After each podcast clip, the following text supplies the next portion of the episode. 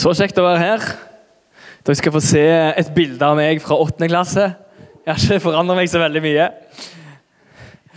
Eh, Min, min barndom og ungdomstid er prega av at eh, jeg fikk veldig mye høre at eh, Sigurd, du er en snill gutt.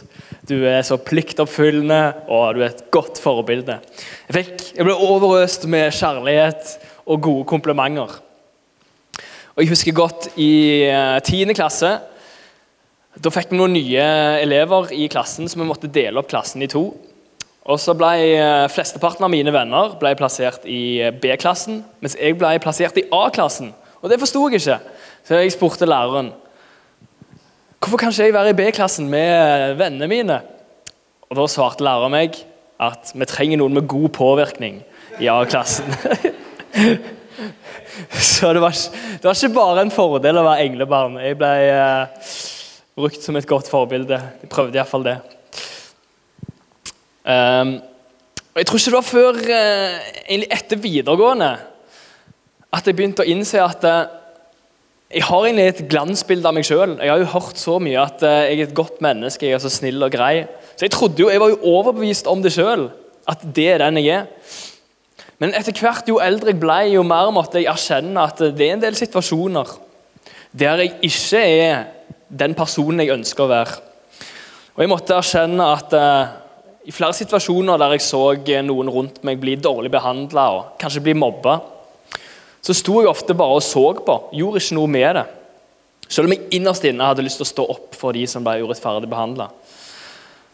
Og hvis jeg eh, var i situasjoner der jeg kanskje sa noe sårende, gjorde noe dumt, så var det sånn at istedenfor å gå bort til personen og si unnskyld, beklager det, så prøver jeg ofte å vri meg unna og slippe å innrømme mine svakheter.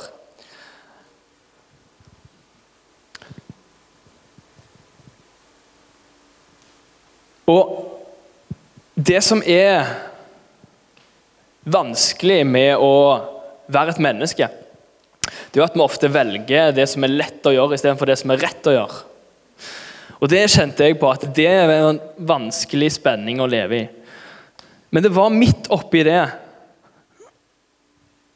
at denne boka her, Bibelen, plutselig ga en helt ny mening for meg enn tidligere. For Jeg har alltid hatt et forhold til Bibelen. Jeg vokste opp i kristen familie og forholdt meg til Gud på en eller annen måte opp igjennom fra min oppvekst. Men når jeg begynte å kjenne på denne eh, kampen mellom å gjøre det lette eller det rette, så ble jeg så oppmuntra av at de folka i Bibelen kjente på akkurat de samme kampene. Og Jeg ble så oppmuntra av f.eks. Paulus, som er en av de store heltene, en av de som har gjort aller mest godt for menneskeheten. Til og med han setter ord på litt det samme som meg. At det gode jeg vil, det gjør jeg ikke. Men det onde jeg ikke vil, det gjør jeg. Så bruker han ganske kraftfulle ord når han sier om seg sjøl Jeg elendige menneske, hvem skal fri meg ut fra denne dødens kropp? Denne boka her er full av helter og heltinner, konger og store ledere. Men fellesnevneren er at alle sammen går på ganske mange store smeller og gjør ganske mange dumme ting. Og tar ikke det ansvaret som Gud har gitt dem. Men så er det én karakter i Bibelen som skiller seg ut, og som min oppmerksomhet ble retta mot eh, i denne tida etter videregående. Og det er han her. Jesus Kristus. Det står om han at han var sammen med syndere. Han var sammen med folk som gjorde det lette istedenfor å gjøre det rette. Han var sammen med folk som så noe som frista, og bare ukritisk valgte å fylle seg med det. Men som innser at det er jo tomt, det her. Det ser jo veldig fristende ut, men det er jo ikke så mye innhold i det. Folk som sleit med sånne ting, det var de som Jesus var sammen med. Men forskjellen på Jesus og andre mennesker det er at det, det var ikke sånn at synderne påvirka Jesus, og at han ble som de. Nei, det var motsatt. Det var Jesus som påvirka synderne. Og Det er så mange eksempler på folk som var gjerrige, som ble sjenerøse. etter at de møtte Jesus. Folk som hadde gjort utrolig mye fæle ting. Som Jesus sier, 'Jeg tilgir deg. Gå bort og synd ikke mer.' Og så kan en se at de levde faktisk helt nye liv. Folk som andre så på som nobodies, brukte Jesus som ledere og forbilder. Og Jesus sjøl ble ganske populær etter hvert. Og når han skulle feire påske i Jerusalem, så ble han hylla som konge. Og folk la kappene sine ned på veien der han kom. Og Det er jo den store testen for Jesus. Hvordan takler Jesus denne makten og innflytelsen som han etter hvert får? Verdenshistorien er jo full av folk som virker veldig gode, men så får de makt. Og så ser en egentlig hvor korrupte de hele tiden var. Men med Jesus er det annerledes. Når han kommer inn i denne folkemengden som hyller han, så rir han ikke på, et, eh, på en svær, hvit hest. Han rir på et ynkelig lite esel. Og Vi kan lese om Jesus at uansett hvilken omstendighet han var i, så var han den samme. Han tjente menneskene rundt seg. Han var trofast mot kallet som Gud hadde gitt ham. Han forandra seg ikke. Men så kommer jo den store plottvisten. At Jesus, denne mannen som gjorde så mye godt, han blir tatt til fange. Han blir arrestert av de religiøse lederne som er misunnelige på han. Og De har jo egentlig ingenting å dømme han for, så de stiller han fram og så sier de masse falske anklager om ting han egentlig ikke har gjort. Og De spytter på han, og de slår han, og de behandler han Helt respektløst. Og Da er det interessant at mannen som tidligere hadde så gode svar på vanskelige spørsmål, han som tidligere gjorde store, mirakuløse ting, han bare står der i den situasjonen. Han gjør ikke noe motstand, han prøver ikke å forsvare seg. Han tar ikke igjen.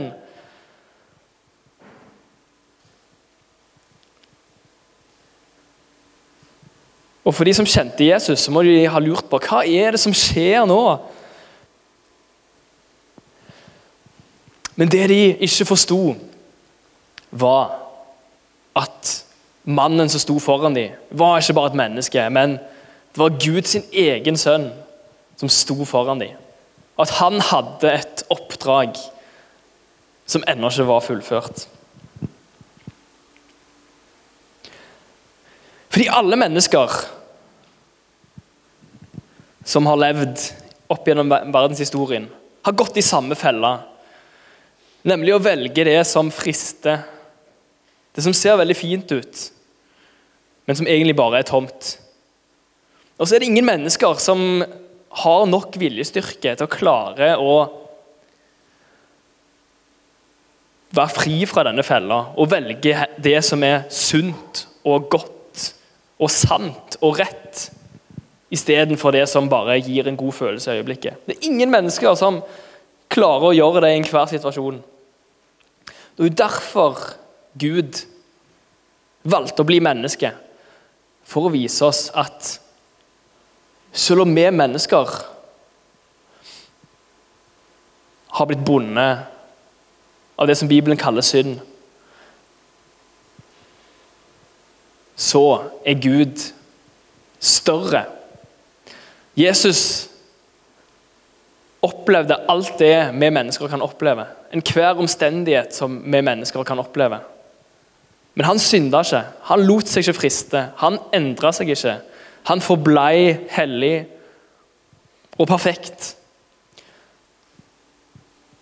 Sånn at Gud skulle vise oss at det fins en større kraft i universet enn synd og fristelser og ondskap.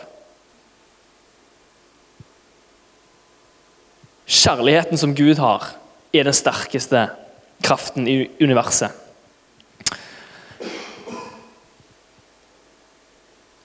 Og Det er derfor Gud valgte å løse menneskehetens problem med å gi oss noe bedre enn noe som ser fint ut, men er tomt på innsida.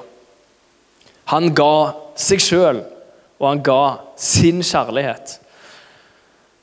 Og hva er den største kjærligheten Gud kan gi til oss? Hva er aller, den aller reneste formen for kjærlighet? Jo, det må jo være at Gud sjøl frivillig velger å oppleve alle de grusomme tingene som vi mennesker dessverre av og til opplever i livene våre.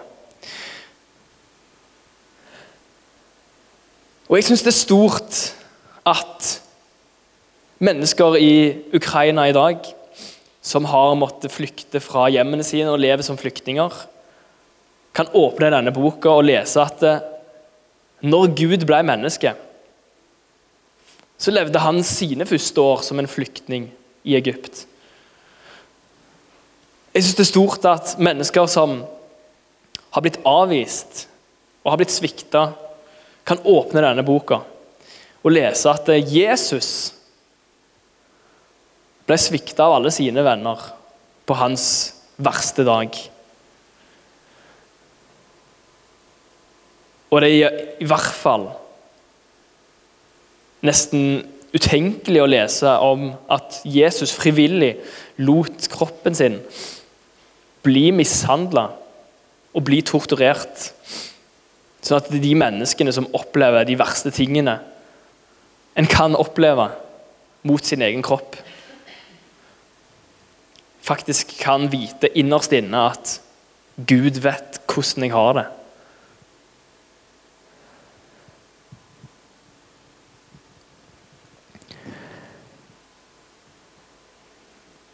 Det Jesus gjorde på korset, det forandra verdenshistorien. Og Det er derfor Paulus har et svar på dette spørsmålet. Hvem skal fri meg ut fra denne dødens kropp? Det verset som står rett etterpå det her, det er dette verset.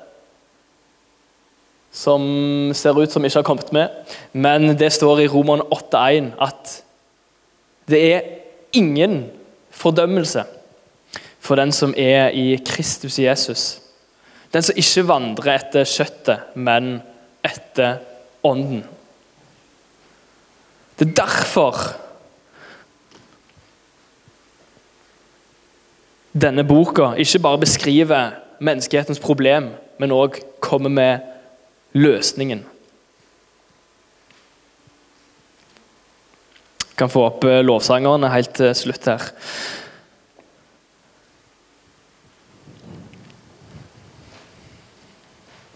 For hva betyr det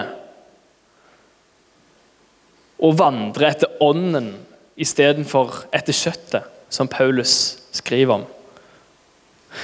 Jo, det betyr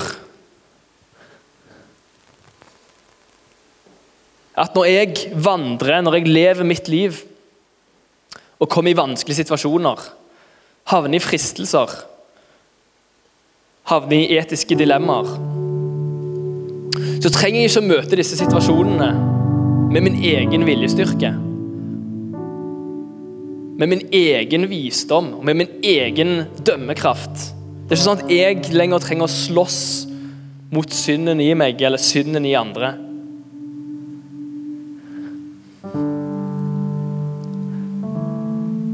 Fordi det Jesus gjorde på korset, det var bare begynnelsen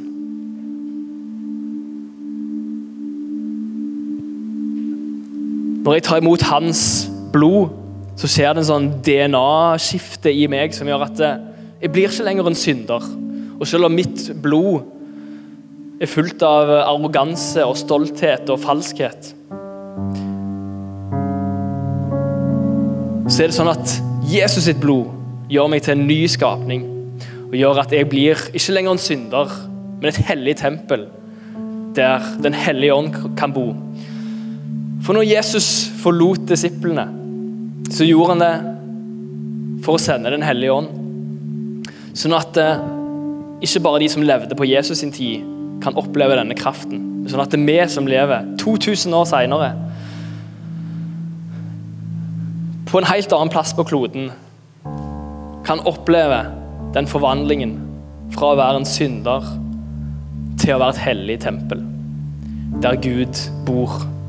Og Det gjør at når jeg står i vanskelige situasjoner, så trenger jeg ikke å møte den i kraften av meg sjøl.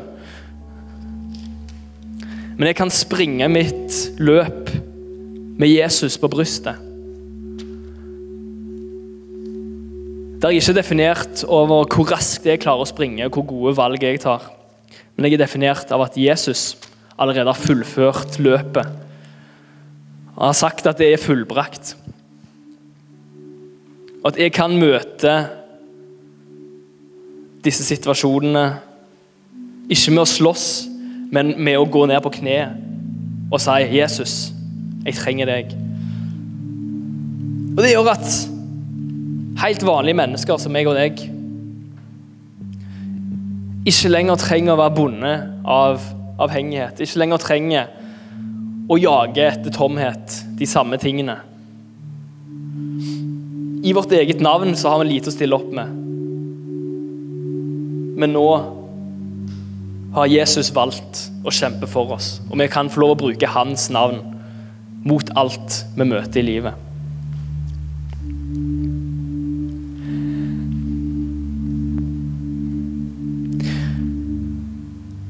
Så Det vi rett og slett skal snakke om litt seinere i kafeen etter vi har spist, det er hva kan vi gjøre neste uke for å leve ut denne godheten som vi har blitt møtt med? For det er jo det som er Guds plan. At han møter meg og deg med sin kjærlighet. Og at det forvandler oss, sånn at vi begynner å møte våre medmennesker med den kjærligheten. Og Når vi innser at vi har blitt tilgitt, selv om vi ikke fortjente det, så får vi kraften til å tilgi de som ikke fortjener det, som har synda mot oss. Når vi innser hvor mye Jesus var villig til å gjøre for å ha en relasjon med oss, så blir vi villige til å gå en ekstra mil for menneskene i vårt liv. Så nå mens vi lovsynger, så vil jeg utfordre deg til å tenke på hva den ene tingen jeg kan gjøre?